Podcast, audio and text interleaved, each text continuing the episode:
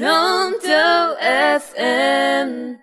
برونتو FM صوتك سابق بخطوة.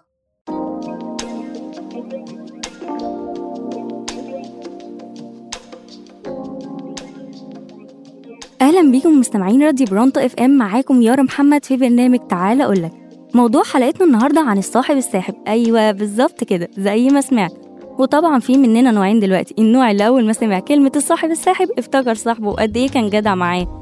وفي نوع تاني افتكر إنه ملوش صاحب قريب منه يتسند عليه وقت الشدة يعني أو كان ليه وبعدوا عن بعض ايا كانت الأسباب. هحكي لكم قصتين النهارده عن كل نوع. يلا بينا وتعالى أقول لك القصتين. قصتنا الأولى عن اختيار الصحاب وإن كتير اتعرض إن كان عنده صحاب قريبين منه وفجأة جه وقت أنت محتاجهم جنبك وفجأة تعرف إن مش ده الصاحب اللي تسند عليه. وتقدر تحكي لهم كل مشاكلك مع أول موقف بيختفي ويظهر وقت ما تكون أنت فرحان. بس يعني مثلا جيت كده تحكي عن حاجة مضايقاك ردوا يا عم بقى كفاية كآبة أنت ما بتزهقش مش ناقصين وجع دماغ. اعرف على طول إن ده الشخص الغلط. وفي نوع تاني برضو اللي يجي ليك وقت مصلحته بس. محتاج مساعدة منك في ثواني هتبقى أخوه وصاحبه وحبيبه. وأنت طبعا هتساعده لأنك متعلق بالشخصية دي.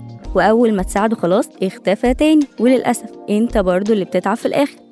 ونوع بقى تاني خالص اللي بيعمل نفسه واو فاهم كل حاجة. ولازم دايما يطلع نفسه بيفهم عنك. وإن أنت مش بتفهم أي حاجة ويحرجك قدام الناس. فشخرة كدابة كده زي ما بنقول. وفي حاجة تانية برضو أغلبيتها البنات بس اللي بيعملوها. يعني مثلا اتخطبتي فجأة تغير منك صاحبتك. لو أنت إزاي تتخطبي وأنا لسه؟ وتحاول توقع بينك وبين خصيبك. وساعات بتفشل وساعات ما بتعرفش توقع. أو صاحبتك اللي بتشوفك بتنجحي تبدأ الغيرة هنا. هي أحسن مني في إيه؟ وهي أصلا ما تستحقش ده وبرضه تحاول تأذيكي. وفي الآخر احذر عدوك مرة وصديقك ألف مرة. يلا نسمع قصتنا التانية. قصتنا التانية ليها علاقة بالقصة اللي فاتت قصة البنت اللي تعبت فاكرينها؟ البنت دي كان في دعم طبعا من أهلها بس كان في شخصية دايما معاها ودعم ليها على طول وعمرها ما سابتها واقفة جنبها وبتساعدها وبتخليها ترجع تقف تاني.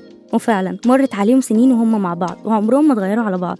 وصاحبتها كانت دايما نفسها تشوف البنت أحسن منها في كل حاجة. عمرها ما غارت منها تصدقوا؟ عمرها ما قالت أنا بعمل كل ده ليه؟ أعمل لنفسي أحسن ماليش دعوة بحد. بس بالعكس كانت دايما معاها. مهما اتخانقوا بيرجعوا تاني برضه. عمرهم ما فكروا في نفسهم. كل واحد كان بيفكر في التاني. وده فايدة الصداقة الصح إنها بتوديك للطريق الصح وتبعدك عن الغلط. اختاروا صح وقفوا جنب بعض. وبلاش نغير من بعض وما نكونش أنانيين. الصداقة الحقيقية كالعلاقة بين العين واليد. إذا تألمت اليد دمعت العين. وإذا دمعت العين مسحتها اليد. ودي نهاية حلقتنا النهاردة. أشوفكم في حلقة جديدة على راديو برونتو إف إم.